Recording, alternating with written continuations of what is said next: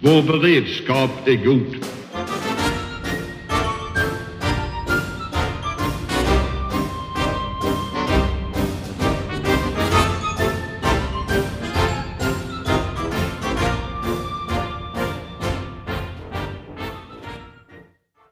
Hej och välkomna till Höjd beredskap, en podd från Aftonbladet Ledare. Och idag ska vi diskutera det psykologiska försvaret. Och för lite, ja, knappt ett år sedan, i maj 2020, så kom ju den här utredningen om att vi ska ha en ny myndighet för det psykologiska försvaret. Den tidigare myndigheten lades ju ner i början av 2000-talet i samband med de stora nedläggningarna eh, inom försvars eh, och säkerhetsverksamhet i Sverige. Och eh, sen har ju de här så att säga, funktionerna legat på Myndigheten för samhällsskydd och beredskap. Och det är där som man då har, har jobbat med frågorna. Men nu så ska det då bildas en ny myndighet, en egen myndighet för detta. Och det tänkte vi prata om i dagens avsnitt. Ja, och då har vi med oss eh, Anders Danielsson. Eh, välkommen! Tack så mycket!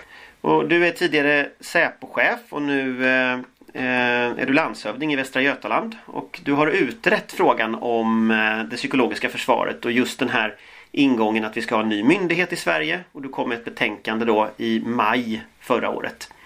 Eh, vad kom du fram till? Mitt uppdrag var ju inte att utreda om vi skulle ha en ny myndighet. Det var ju i princip redan bestämt i direktiven att det skulle inrättas en, en ny myndighet. Och eh, vad vi föreslog då, det var ju dels att försöka knäcka på frågan vad är ett psykologiskt försvar för någonting? Vad är liksom syftet med det psykologiska försvaret? För det har ju funnits ett antal utredningar tidigare och det pratas om försvarsvilja och motståndskraft och mycket annat så vi försökte sätta ner foten där. Och sen är det, handlar det om att göra liksom en instruktion eller en förordning för, för myndigheten vilka arbetsuppgifter den ska ha, hur den ska samverka, hur den ska jobba mot medieföretagen och sen föreslår vi också ett nationellt centrum för psykologiskt försvar för att kunna samordna arbetet. För det är många myndigheter som har uppgifter inom det psykologiska försvaret. Det är inte liksom eh, en enda myndighet. Och det var också en sak vi märkte i vår utredning att det är väldigt många myndigheter som på ett eller annat sätt är direkt eller indirekt eh, involverade i arbetet med psykologiskt försvar. För, för eh, när du säger centrum då pratar du ju mycket om samverkan. Den gamla så här, Styrelsen för psykologiskt försvar det var ju liksom en myndighet som producerade rapporter och hade ett medieråd och så vidare. Hur skiljer sig din nya idé från den gamla kalla krigsversionen så att säga av detta? Ja, alltså för det första så har vi satt ner foten kring, kring vad är ändamålet med psykologiskt försvar. Vi landade då, eller jag landade i att uh, syftet är, eller ändamålet är att värna det öppna demokratiska samhället och fria åsiktsbildning samt vår frihet och vårt oberoende. Och det är liksom grunden för, för eh, ett samhälle ska fungera. Och med det sagt så kan man ur detta få motståndskraft och försvarsvilja. Man kan hävda att motståndskraft och försvarsvilja kan man ha i en totalitär stat också. Det är liksom ingenting som kan hänga löst för sig själv. Man måste hänga upp det mot någonting. Och det var just detta som är liksom grunden i ett samhälle, att det är ett öppet demokratiskt samhälle, att vi har fri åsiktsbildning, fria medier som du företräder och ett fritt och oberoende land. Eh, sen när det gäller själva arbetsuppgifterna så är inte det direkt, har det inte varit direkt uttalat eh, till olika myndigheter kring psykologiskt försvar. NSB har ju haft eller har ett uppdrag i sitt regleringsbrev kring den frågan. Men i övrigt så har det inte varit särskilt tydligt reglerat. Och får jag vill åstadkomma med detta nationella centrum det var ju att, att eh, de myndigheter som har en väldigt tydlig roll och uppgift kring det psykologiska försvaret. Jag tänker på Säkerhetspolisen, Militärunderrättelse och säkerhetstjänsten, Försvarsforskningsinstitut med flera. Det kan, Statens medieråd, det kan finnas flera andra också som får efter läge att de skulle liksom eh, ha ett nationellt centrum där man tillsammans samordnat kunde då identifiera och tidigt upptäcka när det kom otillbörliga påverkansoperationer från främmande makt. Eh, jag har erfarenhet av det när vi bildade ett nationellt center för terrorhotbedömningar på Säpo där Säkerhetspolisen, Militärunderrättelse, och Säkerhetstjänsten och Försvarsforskningsinstitut, eller Försvarets radioanstalt förlåt, eh, eh bildade liksom en, en egen gruppering och där man samarbetar rent fysiskt nära varandra. Och det har ju gett synergieffekter. Det är ungefär samma idé och tanke Sverige är som du känner till uppdelat i sektorsmyndigheter och samverkan är A och O i sådana här frågor. Och för att kunna stärka samverkan så menar jag att man skulle bilda ett sånt här centrum. Du, skriver i, i, eh, i din utredning att det här bör ligga i Stockholm, centralt. Eh, och det är lite modellerat, precis som du säger, på det här terror, terrorcentrum kanske är slarvigt uttryckt. Men, men, men den konstruktionen. Varför är det så viktigt att det ligger centralt? Ja, det hänger ju klart ihop med, eh, jag ska inte lägga mig i regeringens eh, politik där lokalisering av myndigheter, men i det här fallet så gör jag en verksamhetsanalys, nämligen att kompetensen och förmågorna finns idag på Myndigheten för samhällsskydd och beredskap, NSB i dagligt tal. Och eh, det finns ju alltid risker om man lokaliserar en ny myndighet långt ifrån Stockholm och då tappar man ju kompetens och personal och att undvika det så tyckte jag att man kunde ha med en pragmatisk lösning och eh, lokalisera den nya myndigheten i Stockholm för att just inte förlora kompetens och personal som det finns en risk för att göra. Sen får väl någon annan överväga om jag har rätt eller fel men det var i alla fall mitt bidrag. Mm. Om vi tittar på själva innehållet i myndigheten eh, och så börjar vi utifrån, så här, utifrån och in. Hur skulle du säga att hotbilden mot Sverige ser ut på det här området just nu? När du tittar ut över världen. Ja, det pågår ju en ständig otillbörlig informationspåverkan som är riktad mot Sverige. Och lägg märke till att jag säger det otillbörlig, för det är ett viktigt uttryck. Det finns ju tillbörlig informationspåverkan utsätts ju så dagligen i allt från reklam till politik. Och så ska det vara i ett fritt och demokratiskt öppet samhälle. Men det är den otillbörliga som syftar till att slå splitt i ett samhälle, att sprida desinformation, vilseledande uppgifter för att befolkningen ska kanske ändra uppfattning eller för att beslutsfattare ska fatta andra beslut än tänkt. Eller att ni journalister inte vill skriva saker kring, alltså en fria ord på grund av rädsla för hot eller, eller våld. Hot om våld eller våld. Och det sker ju ständigt. Det kanske ligger på relativt låg nivå för tillfället. Det kan nog NSB bättre svara på än jag. Sen är det, fungerar det så att det är oftast väldigt opportunt det där att, att eh, man tar tillfället i akt och kan med väldigt kort varsel aktivera en informationskampanj mot ett, mot ett sådant land.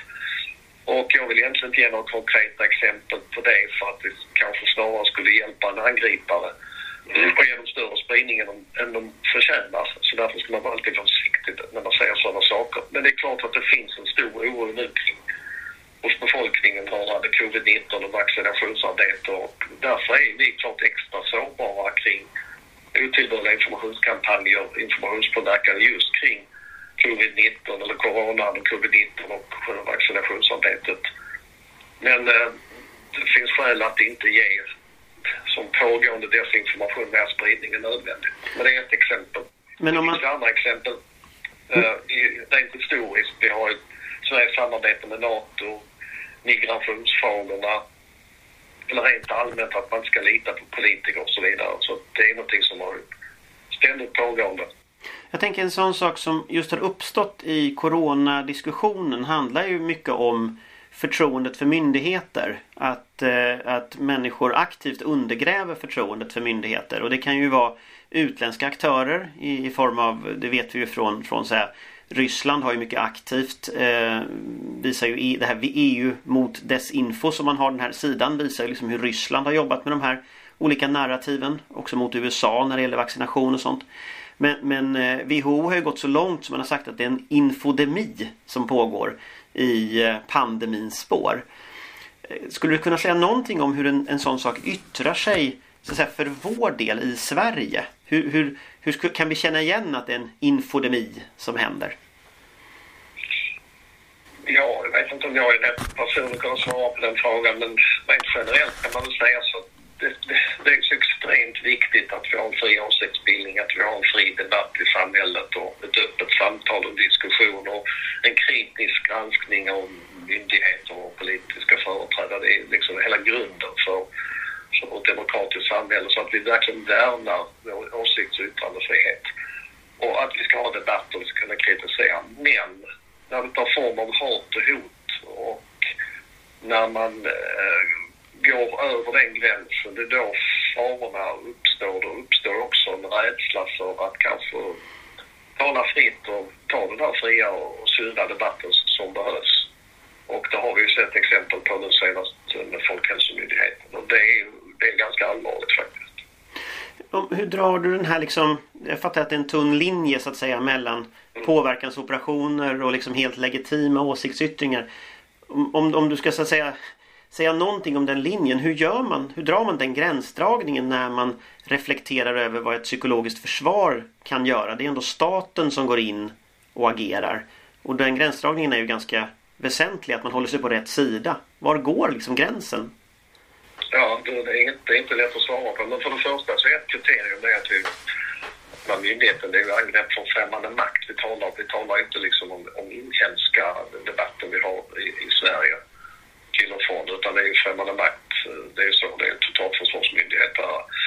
Så det andra viktiga det är ju det som är otillbörligt och det får ju bedömas från tid till annan så att säga. Men tanken är att det här var där myndigheten ska ha den här förmågan att tidigt kunna identifiera, analysera och kunna dra någon slutsats kring att detta är ett, ett, ett angrepp som syftar till att slå spritt i samhället, påverka beslutsfattare, journalister eller vad det nu är för någonting, eller vilseleda befolkningen.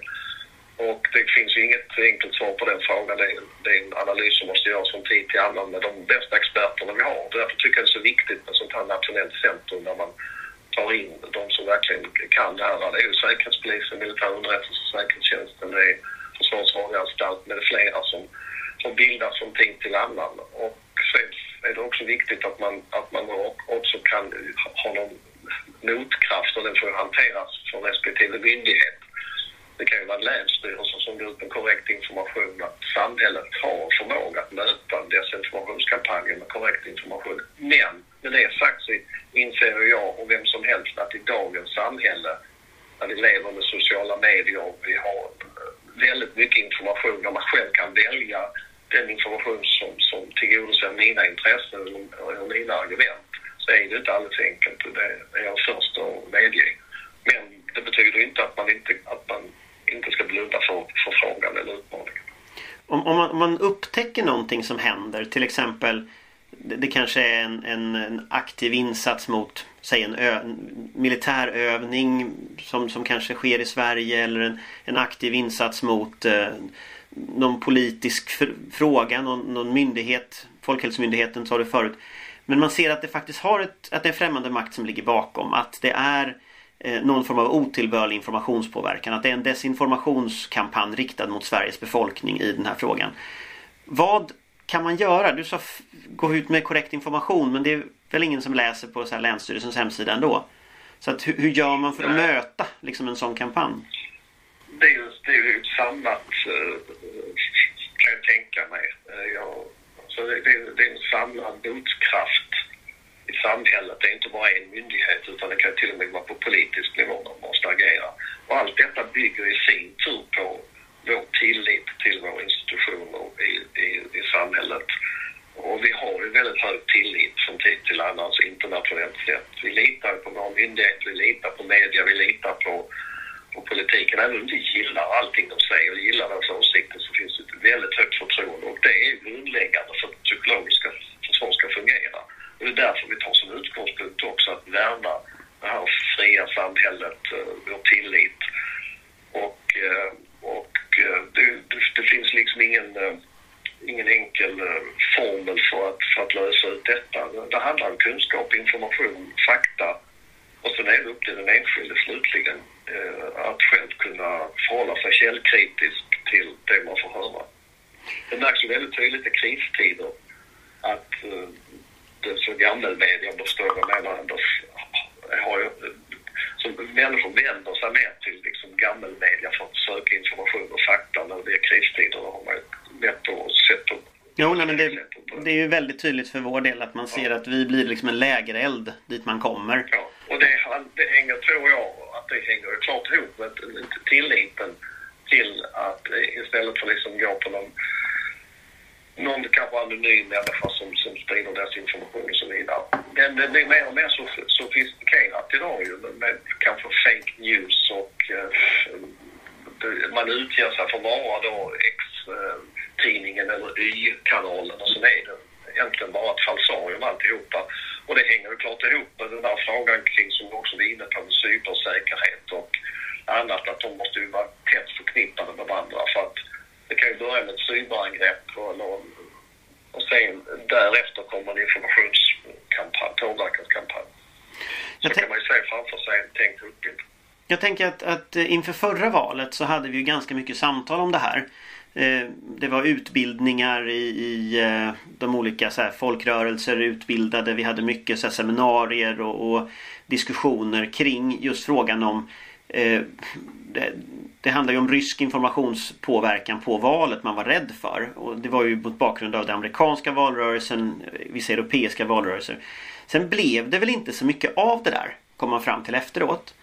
Eh, och man har väl egentligen inte riktigt svarat på frågan om varför. Men om vi tittar framåt. Vad, vad, vad kan vi förvänta oss fram till valet? Det är ju ett och ett halvt år liksom och det är en covid-kris och allting. Så vad, vad, vad, är din bedömning liksom när du tittar ut på det?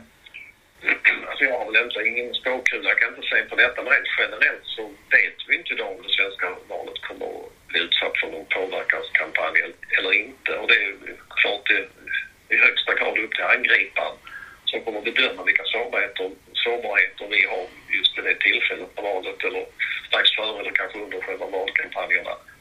Och vilken förmåga vi har att motverka påverkan och vilka risker som finns att eh, de kan bli avslöjade. Och att en angripare då så det kommer att pekas ut.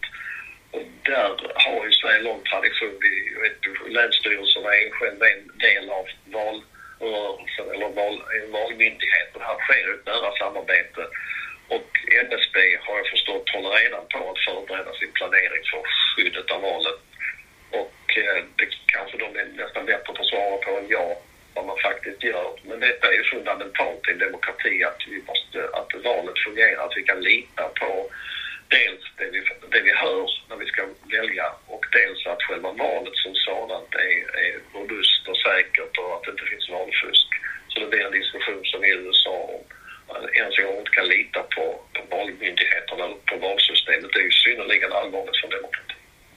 Men, men har, om man tänker det fanns ju tecken innan förra valet på att man förberedde ändå eh, den här typen av insatser och vi såg i Tyskland, vi såg i Frankrike, vi såg det i USA. Eh, om man som medborgare ska titta efter vad, vad kan man vara vaksam över?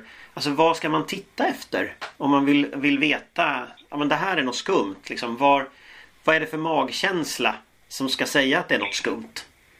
Ja, det är väl att tänka källkritiskt i alla lägen och särskilt om man ser någonting som gör dig arg eller ledsen eller orolig. Alltså, um, alltså staten kommer inte berätta för dig vad du ska tycka i saker och ting. Det är upp till var och en att göra. Men någonstans så är det väl lite grann som du är inne på att sitt eget sunda förnuft måste få tala och förhålla sig källkritiskt. Och känner man, blir man upprörd, arg, ledsen eller orolig att man går till alternativa källor och försöker bilda sig en egen uppfattning. Vi har ju den fördelen i Sverige och kanske i många andra länder för den delen att vi har mycket tillgång till myndighetsinformation idag och krisinformation och media ska vi inte glömma bort. Där man kan liksom få, få perspektiv och få nyansering kring det man hör och ser. Så att återigen så handlar det om den enskilda individen. Sen självklart om det blir en organiserat angrepp, en påverkanskampanj, det är klart min förhoppning att den här myndigheten då i samverkan med andra så tidigt kunde upptäcka det och, och eh, varna för att det kan ske påverkansoperationer och på vilket sätt påverkas kan ske. Det höjer ju också vår motståndskraft i, i, i, hos, hos, hos medborgare i landet. Så det är en kombination av många olika åtgärder. Jag tänker slutligen, eh, vad, vad, när tror du att den struktur du har sett framför dig, när tror du den kan finnas på, på plats operativt och eh, ha full effekt? Ja, som jag har förstått det så ska väl myndigheten börja rulla den 1 januari 2022. Och det är väl klart viktigt att den kan vara up and running direkt och att det inte är lång startsträcka så att verksamheten tappar fart. Det är ju, det, tappar fart. Det är ju dessutom ett valår 2022. Det hänger klart ihop med det jag sa inledningsvis, det här med lokaliseringen. Det är, är ju en aspekt som man måste beakta så man inte förlorar den kompetens och kunskap och förmåga som redan finns på Myndigheten för samhällsskydd och beredskap idag. Tack så jättemycket. Tack så mycket.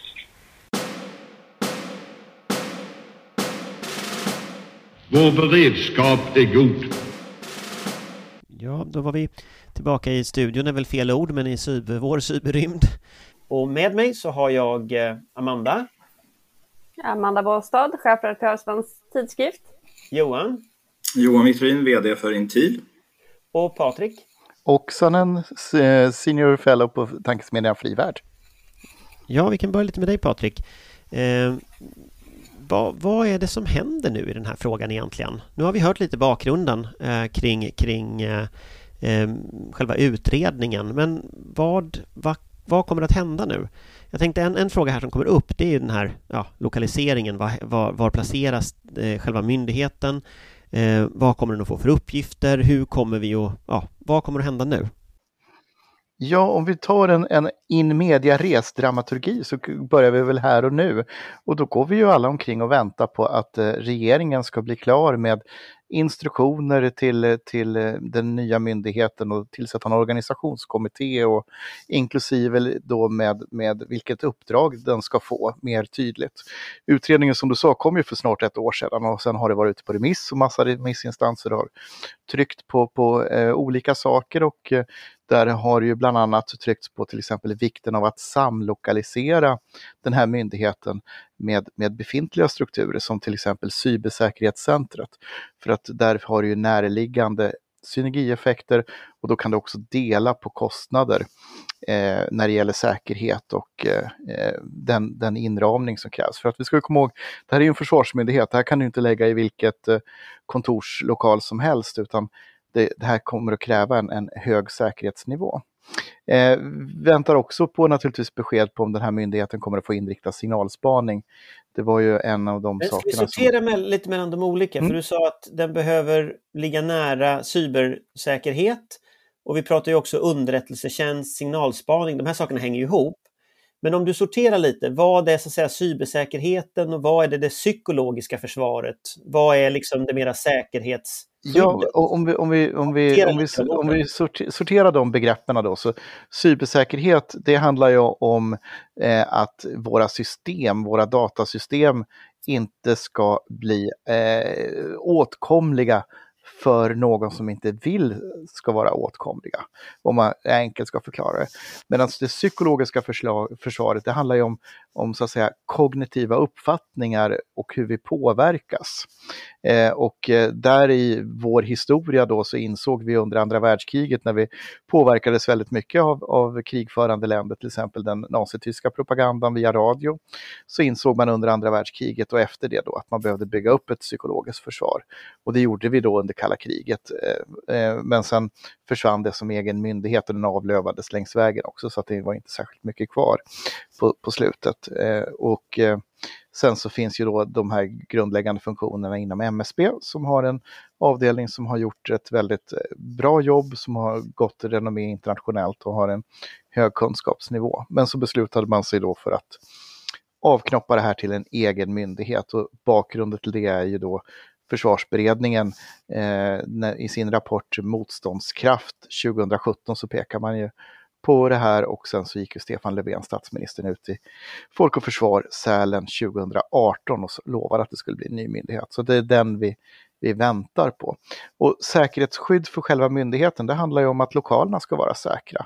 Det är en särskild säkerhetsklassificering när du har eh, den typen av verksamhet. Det kan du inte inrymma i vilket, eh, vilken kontorslokal som helst utan eh, det är en lång rad kriterier och krav på det där tror jag att om du vill fördjupa dig i den delen så tror jag att Johan Victorin kan de där detaljerna så mycket bättre än vad jag kan. Eh, och att samlokalisera det är en del av att dela kostnader men också få synergieffekter. Det finns ju några saker man kan göra om man vill sabotera för den här myndigheten. Det är ju ett, bestämma sig för att man placerar den någonstans eh, så att den befintliga personalen inte vill flytta med. För att idén att få den här myndigheten igång till valåret 2022, den ska ju då träda i kraft 1 januari 2022 är det ju tänkt. Eh, det bygger på att personalen kommer med. Ingen personal, ingen verksamhet alltså. Och sen kan du ju då sänka hela budgetkalkylen genom att eh, behöva bygga upp en massa eh, skyddsåtgärder eh, från, från grunden. Eh, så att, eh, och där finns det väl en oro för att den politiska logiken kan ju ha otur när man tänker och inte liksom förstå verksamheten och att man fattar politiska beslut på en annan logik. Till exempel att placera den på, på ett ställe som gör att vi i praktiken inte har ett psykologiskt försvar under valår 2022.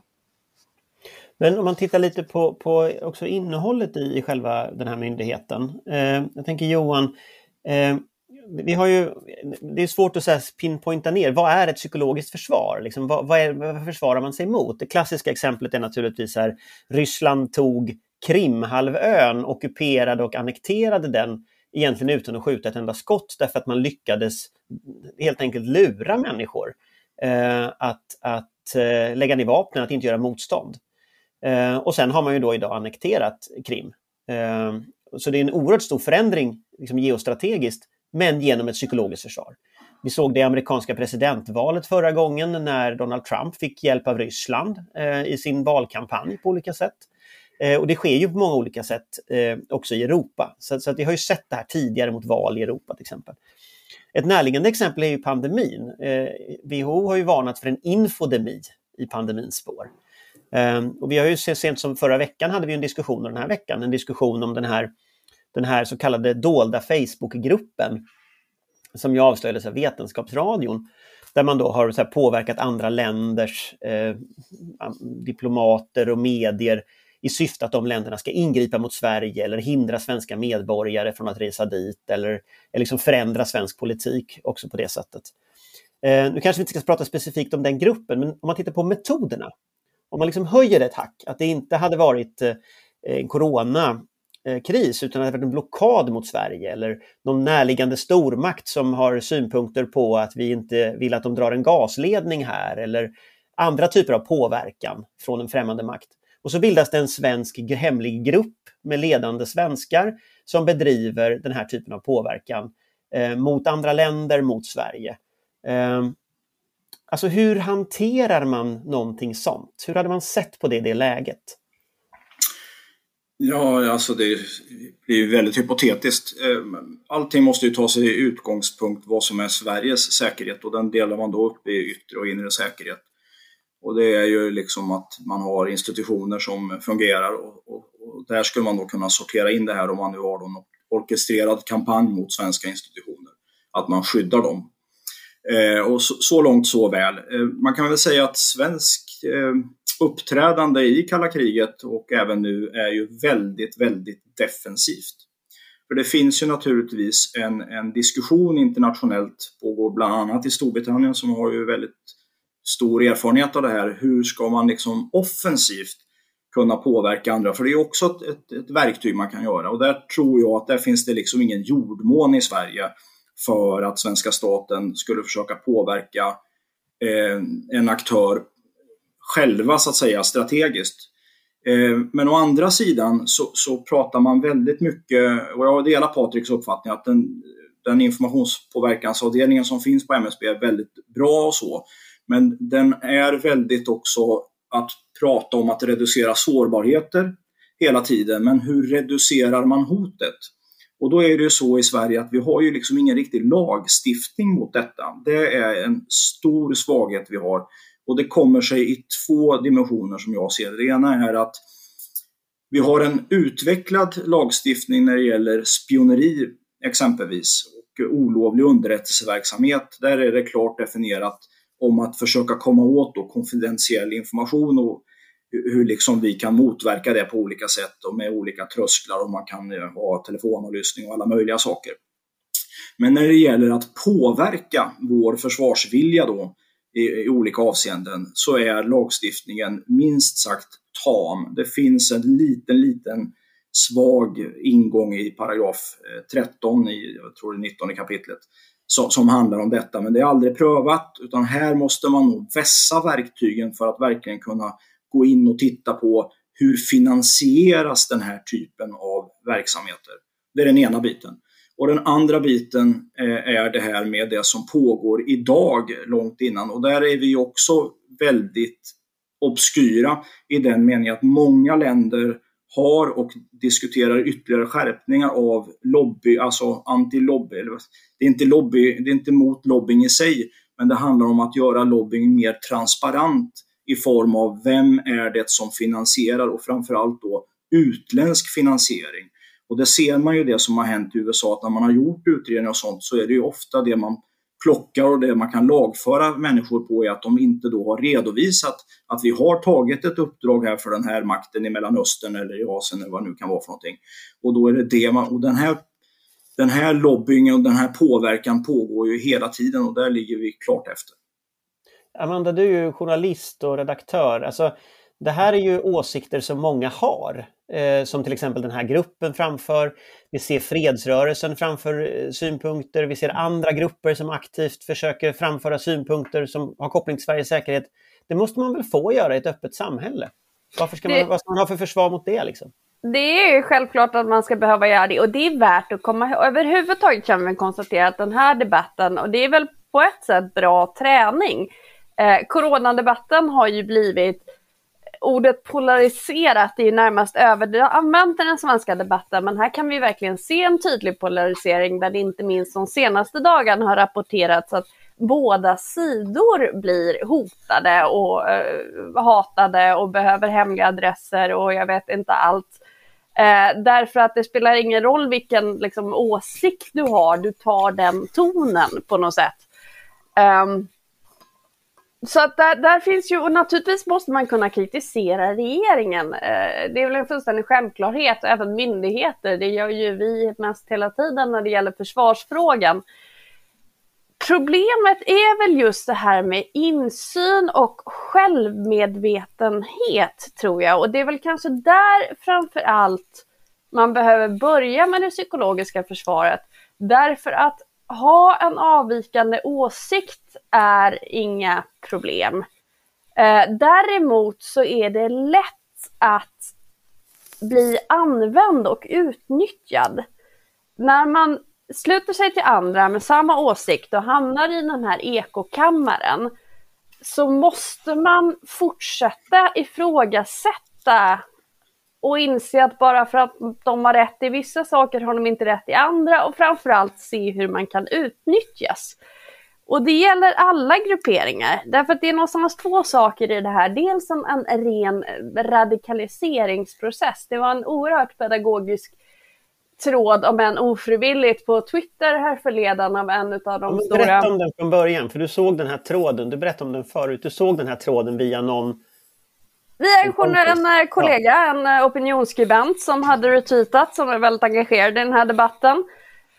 Eh, och den här tråden beskrev då hur den postande hade börjat läsa in sig på detta, var oroad när de första rapporterna kom, hade börjat diskutera det, ifrågasatte Sveriges linje, hade behövt säga upp bekantskapen med bekanta därför att de inte såg på samma hade hittat de här grupperingarna på nätet, läst mer, blev kritiserad för hans åsikt, slöt sig till de här grupperna, kände ett, ett sammanhang där man stöttade varandra eh, och hur bra det kändes att stå på rätt sida av historien, åtminstone gjort vad man har kunnat och, och vara liksom den enda som förstår.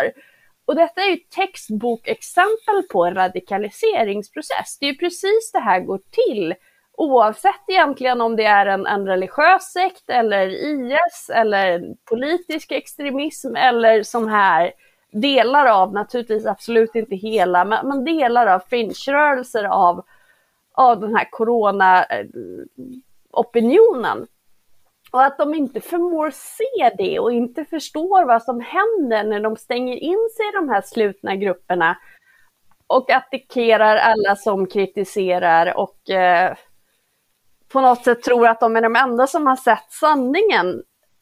Det är ju högst problematiskt, inte minst när det gäller eh, opinionsbildare, journalister, andra som borde, oavsett vad det är för åsikt eller poäng, borde ställa sig mer skeptiska till allt. Och sen är det just där, vem står bakom? Vem utnyttjar detta? Vem finansierar? Vem organiserar? En del av det är naturligtvis eldsjälar som verkligen tror på detta. Och detta är den nästa stora debatten som jag tror vi seglar ut nu. seglar upp nu, eh, vaccinationsskeptikerna. För där vet vi ju att det finns allt från föräldrar som helt enkelt är oroliga, inte minst efter svininfluensavaccineringen och inte riktigt vet hur de ska göra. Men som sen då lätt hamnar i händerna på rena kvacksalvare som själva tjänar pengar på att kränga verkningslösa motmedel mot diverse sjukdomar och rena närmast religiösa fanatiker eh, som står emot den moderna läkarvetenskapen eh, och just eh, utländsk eh, påverkan. Inte minst i USA så finns det ju gott om, om ryska kopplingar mellan vaccinations antivaxrörelsen och eh, eh, bland annat Ryssland. Men vad ska så man göra för att skilja på liksom det legitima och inte? För att, jag menar, man måste ju få vara, tycka att den svenska coronastrategin är kass. Eh, det, det, är ju trots allt 13 000 människor snart som har dött i Sverige. Samhället har varit lamslaget i ett år. Eh, det pågår debatter i hela världen om att liksom, vi har jätteproblem liksom, eh, med alla strategier egentligen. Det verkar inte funka jättebra någonstans, kanske utom Norge och Finland. typ. Men det, det är klart, det måste man ju få säga. Så var går gränsen? Var, var, liksom, var är det legitima, inte legitima? Man får ju naturligtvis vara väldigt försiktig i de här eh, bitarna, men det, någonstans börjar ju det med, med värderingar och normer som sedan omsätts i lagstiftning och just jag tror att många borde skriva under på det, eh, kommer skriva under på att man vill inte ha någon utländsk kraft som försöker liksom manipulera och domptera eh, och ta över opinionsgrupper i Sverige. Eh, så att det är den vägen man måste gå. Det måste alltså vara någon form av straffbarhet att för på samma sätt som att stjäla information, att då försöka trycka in information som syftar till att eh, skada eh, förtroendet för vår säkerhet. Eh, att det någonstans blir lagfört, alltså man kan att lagföra för det, för det ger verktyg. Och då är det follow the money som gäller, för det är där man hittar grejerna. Och det är ju rätt så tragiskt. Om vi tittar historiskt exempelvis på fredsrörelsen med en massa eldsjälar som vill väl och som och i den kontexten när det verkligen var, inte minst vi har sett nu med nya dokument här från 1983, att man var nära ett kärnvapenkrig och sådana här saker. Det är klart man måste kunna ha en åsikt och få liksom driva opinion på detta på bästa sätt. Men så blir man ändå liksom kidnappad av stormaktsintressen. Eh, och det måste vi ju värja oss emot för att det är ju inte, gynnar ju inte befolkningens liv och hälsa och Sveriges säkerhet i det långa loppet. Och det vore ju dumt att inte skaffa sig verktyg på att kunna gå in och titta och sen finns det rättssäkerhet i det här att man måste då uppnå vissa trösklar för att man ska kunna göra andra tvångsåtgärder när man håller på och utreder det här. Och sen ska det ju naturligtvis prövas i domstol, så det får man ju liksom aldrig vika ifrån. Men att bara sitta och passivt registrera detta, det är ingen strategi för framtiden, för överlevnad, för framgång. Jag, här... jag, tänker, jag tänker, är det här, handlar, handlar det här om du har skrivit en bok också om, om just informationspåverkan och påverkansoperationer. Är det här en påverkansoperation eller är det normal samtalston 2021? Eh, som vi ser? Du, du, syftar nu på, på Folkhälsomyndighetsdebatten? Ja, jag tänkte jag. hela sörjan faktiskt med, med alla dessa Facebookgrupper. Det, finns, det här är ju inte den enda heller, utan jag tänkte själva fenomenet som vi ser nu. Det är alltså inte den enda dolda gruppen heller. Alltså vi ser ju generellt sett en, en ökat tonläge, en ökad polarisering, eh, ett språkbruk eh, som förstärks i sociala medier och ger en snabb räckvidd för starka känslostarka åsikter. Och det är ju många spelare i den här ekokammaren men, men där Ryssland har ju byggt upp en, en, en stark närvaro i ekokammaren och kan driva berättelser och narrativ, precis som Amanda var inne på med, med vaccinskeptiker. Ehm, och eh, där i så finns ju också andra grupper som gör det här av kommersiella skäl eller ideologiska skäl som hamnar på samma sida och tillsammans så blir det en, stark, ehm, en, en stark högtalare eh, till det här. Eh, sen är det ju som så att, att i det enskilda fallet kunna säga X eller Y är ju så mycket svårare. Men jag vill understryka en sak och det är dels både i utredningen men också i förarbetena, eh, bland annat i, i, i, i försvarsberedningen, så pekar man ju på att den psykologiska försvaret, det handlar ju om faktiskt att bevara, och då, nu läser jag till från försvarsberedningen Motståndskraft, bevara det öppna samhällets fria kunskaps och informationsutbyte.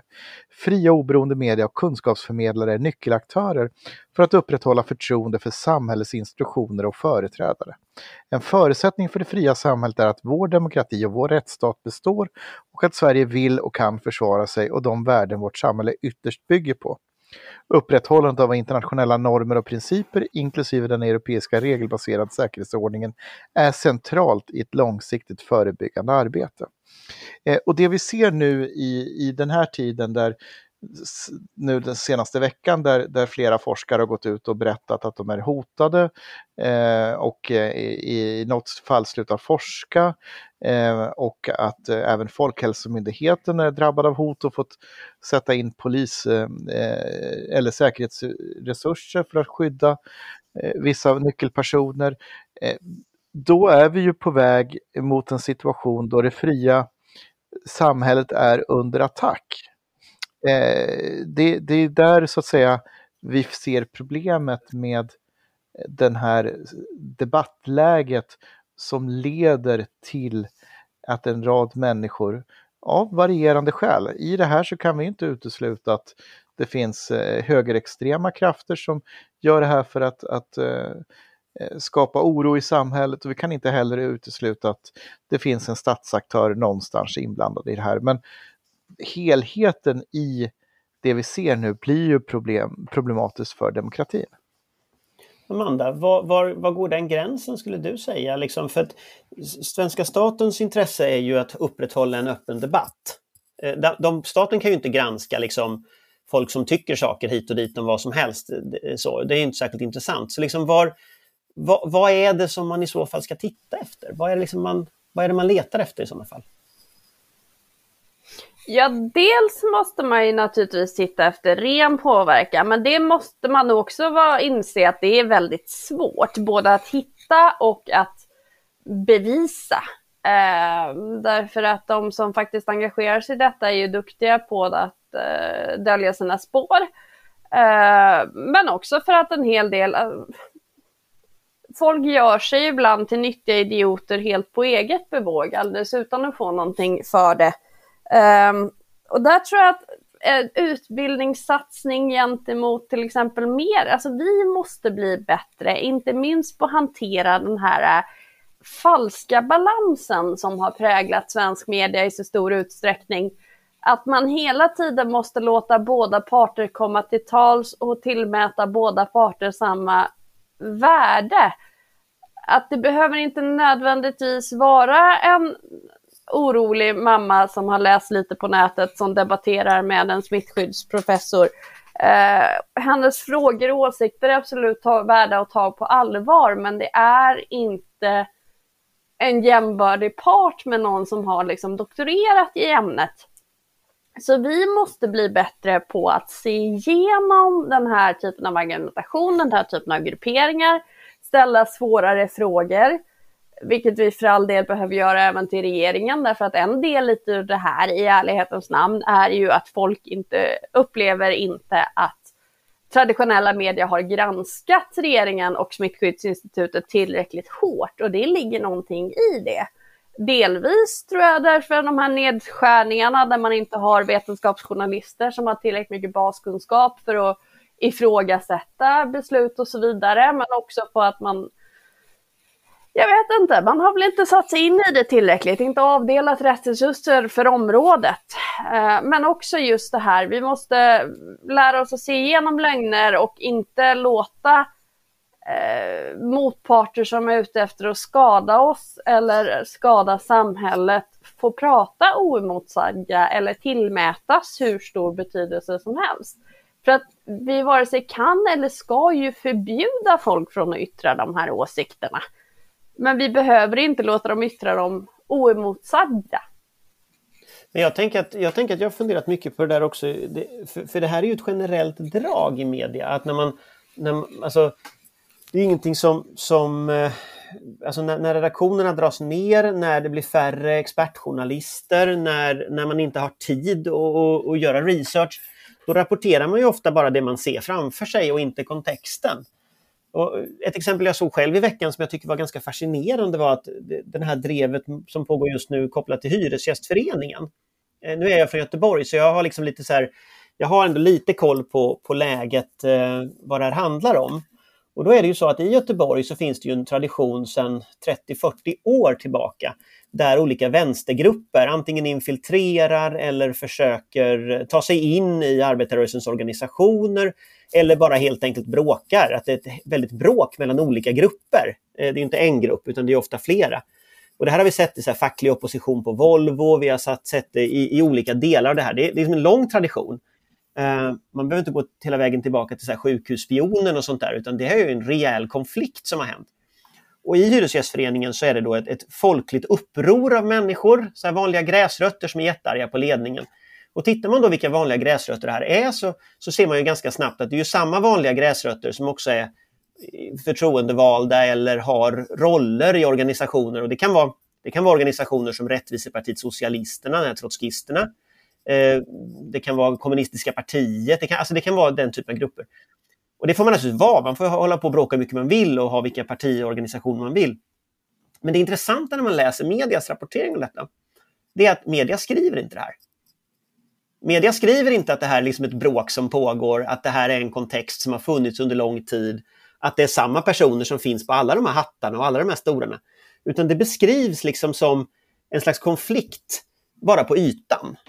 Och där tänker jag att där har media ett ansvar att gå ett steg under. Att beskriva vad är det som händer. Att faktiskt ta den här tiden det tar att göra en riktig analys. Att prata med alla, att göra liksom eh, Eh, en kontext av det här. Om man sen översätter, nu är det bara en pyttegrej och liksom det är Hyresgästföreningen, men det är stort på nätet så det är liksom kul exempel att ta. Eh, men, men det är väldigt intressant att se då att när man pratar utrikespolitik så rapporteras den lite på samma sätt. Eh, Trump säger det, Putin säger det, någon säger det och det är ingen kontext egentligen. Och sen fylls liksom kontexten för rätt många människor av alla de här aktörerna i sociala medier. Om jag skriver om Putin till exempel, då får jag så här, jag kan få hundratals mejl och kommentarer på Twitter och sådär av folk som uppenbarligen inte har en susning vad det handlar om. Men vars enda budskap är USA och Ryssland är lika dumma. Och det kan handla om vad som helst. Eh, och för många människor så fylls ju sammanhanget av det där. Och det har jag funderat rätt mycket på när du säger falsk balans. Liksom. Att det är mycket journalistiken som inte har liksom, inte sätter saker i sitt sammanhang, inte berättar hela historien. Utan låter det vara just liksom, den säger det, den säger det. Liksom. Och sen stannar man där. Patrik, och låter sig... Ja, förlåt. Får jag bara replikera på det snabbt? Och låter sig utnyttjas också. För det tror jag är jätteviktigt att man inte lär sig. Ibland är det för att man inte har tid eller kunskap och det är ett jätteproblem och, och det behöver man avdela folk som lär sig det här och som håller koll på vikarier och så vidare när det är känsliga ämnen. Men också att man låter sig utnyttjas, att man inte förstår att det är så här opinion drivs i många länder som agerar i Sverige och inte förstår hur skarpt läget är. Utan man lyssnar på den här ambassadpersonalen och går på de här bjudningarna, vilket man absolut kan och ska göra, men man ska vara väldigt medveten då om att det alltid finns någonting som säljs. Och det tror jag, den medvetenheten tror jag tyvärr är väldigt låg i journalistkåren.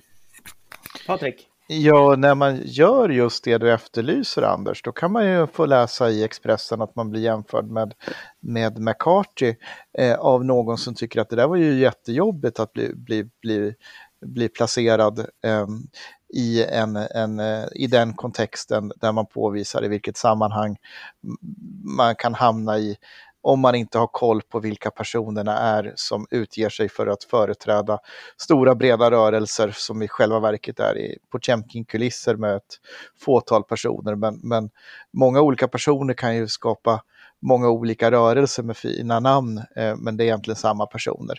Eh, så att eh, jag bara konstaterar också att det finns ju ett intresse att slå tillbaka mot den typen av, av, av journalistik och då är vi tillbaka i cirkelresonemanget här kring att skydda den fria opinionsbildningen och så vidare. Att, att du betalar ett pris också när du, när du pekar på sammanhang som andra vill hålla dolda. Ja, men det tycker jag är lite roligt, bara för att ta en parallell. Man, det kom faktiskt med två dagars mellanrum två avslöjanden om Facebookgrupper. Det ena var den här eh, dolda Facebookgruppen med liksom forskare och opinionsbildare kring corona. Och det andra av, av Vetenskapsradion och det andra var en, en Facebookgrupp som var mot eh, vaccin då av, av jag vet inte vem det var. Den var lite större grupp, det var 500 tror jag, den andra var 200. Men när man tittar på hur offentligheten sen hanterar detta, då ser man att den här eh, gruppen eh, eh, som håller på med vaccin, den blir allmänt hånad. Liksom. Haha, de är mot vaccin liksom. Bara det. Medan den här gruppen däremot som var mot eh, Anders Tegnell av andra skäl, den var, då var det ett hot mot yttrandefriheten att Sveriges Radio granskade den. Och, och, så, det, och så beroende på hur hög status det här, de här personerna har så blir det helt olika reaktioner i offentligheten. Och Det är också väldigt intressant att se att, att det är en sån att offentligheten klarar liksom inte att hantera en motangrepp. När, när, den här, eh, när de här coronakritikerna sa att det var Stasi-metoder och så, då, då tar alla ett steg tillbaka. så här. Men det är väl inga Stasi-metoder att granska Eh, öppen granskning. Jag, jag har varit på Stasi-museet i Berlin. Det var helt andra saker de sysslar med. Liksom. Utan här handlar det om att radion öppet granskar någonting. Va? Men ändå den här statusskillnaden gör att det blir skillnad. Eh, och jag kommer inte exakt ihåg vem det var som kallade dig för McCarthy, men, men när du angriper folk, då är det ju personer som har väldigt hög status. Och de svarar ju med samma mynt. Men nu är vi lite långt från eh, Myndigheten för psykologiskt försvar. Alltså, du får ha bara, ämnet Johan. Nej, men jag har bara gjort en reflektion här. Jag vill haka på det som Patrik har sagt. Och, alltså, om vi tittar på eh, Ryssland som exempelvis, som rent doktrinärt sorterar in informationsteknologiska dimensionen och informationspsykologiska eh, eh, dimensionen tillsammans i en enda helhet i informationssäkerhet det, det, tycker jag rent alltså doktrinärt är en väldigt smart genomtänkt syn på det, det moderna informationssamhället. Eh, och det borde vi faktiskt studera lite noggrannare, dels för att förstå hur de agerar och så vidare, men också kanske också titta på, finns det någonting att lära sig här också?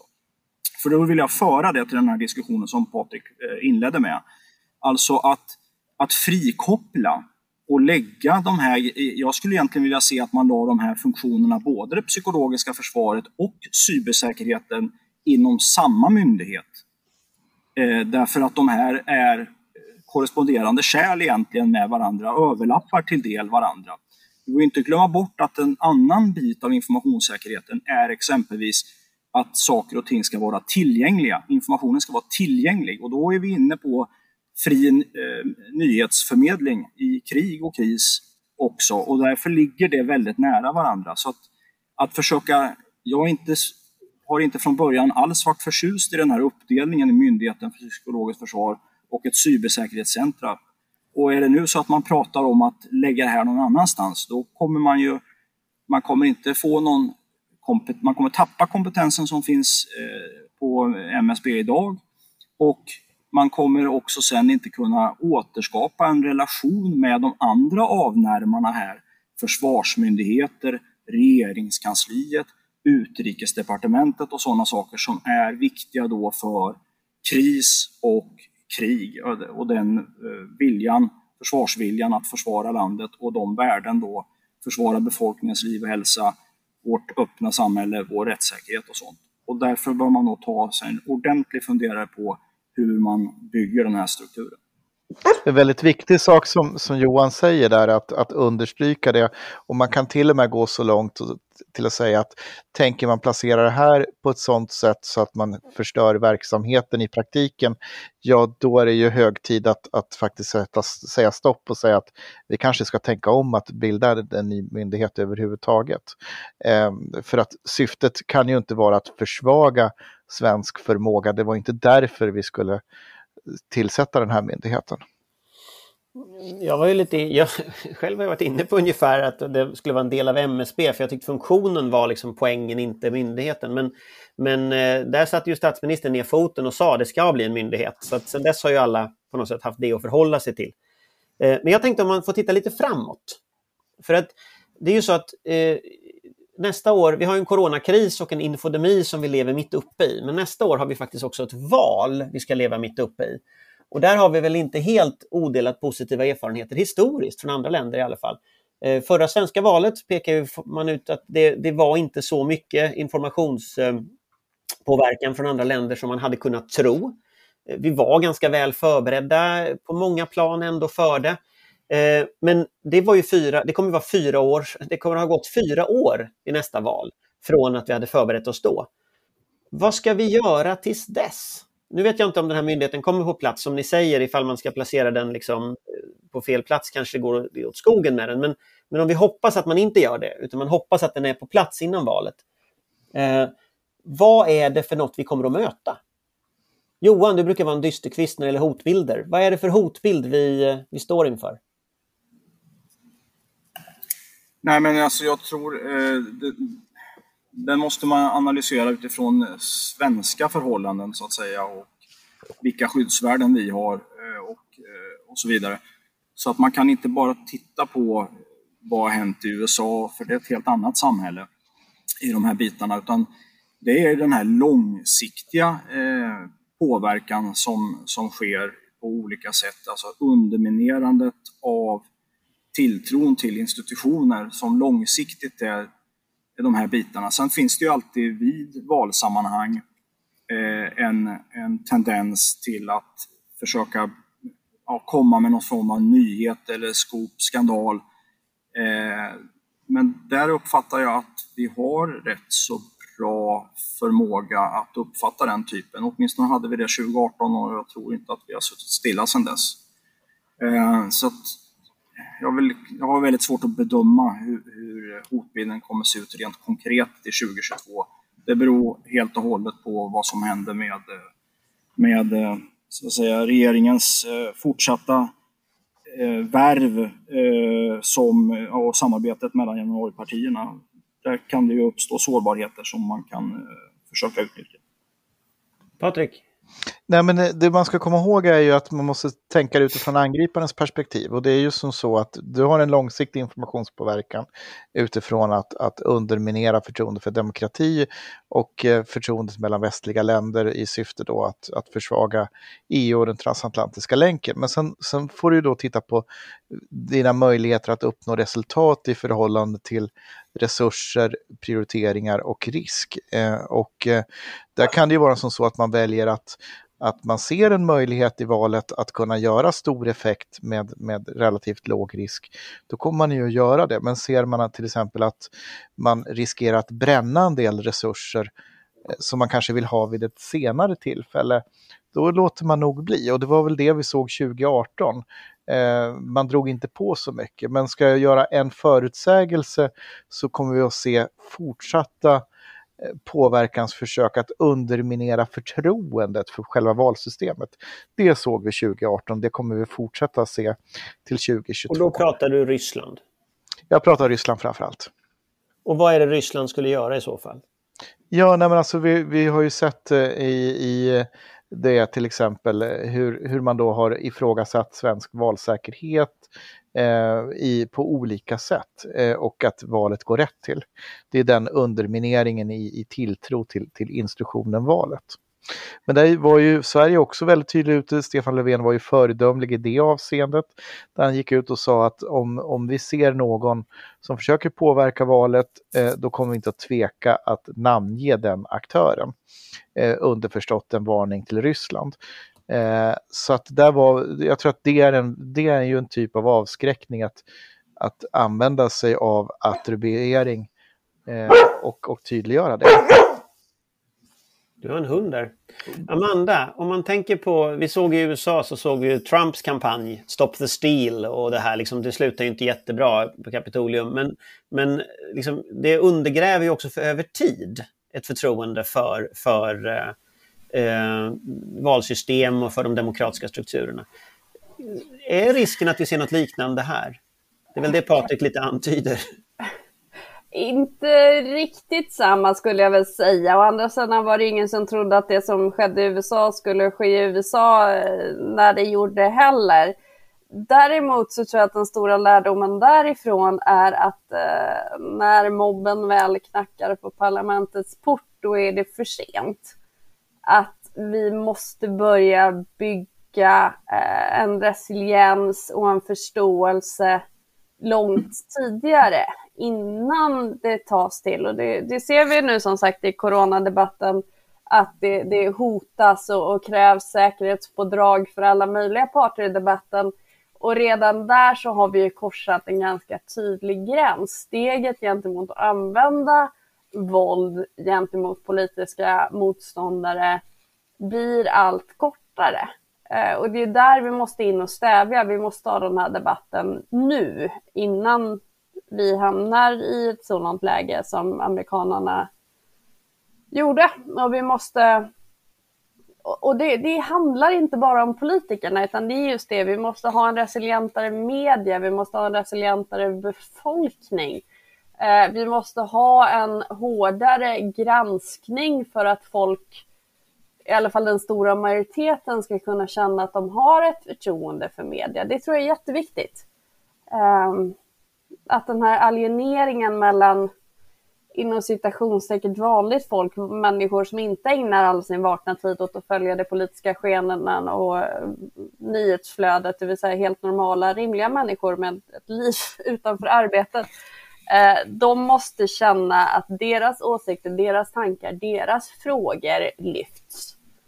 Eh, och det görs nog inte riktigt idag. Den här eh, bubblan är farlig på mer än ett sätt. Om, man ska få, om ni ska få nämna en sak var, eh, tänker jag, som en avslutning. Eh, en sak som gör att vi inte hamnar snett när det gäller detta, att vårt psykologiska försvar så att säga fungerar. För det är ju precis som annat försvar, ett totalförsvar, det är ju inte en myndighets eller statens ansvar, utan det ligger ju på alla så att säga. Det är ju totalförsvar, det är ju det som är idén i Sverige.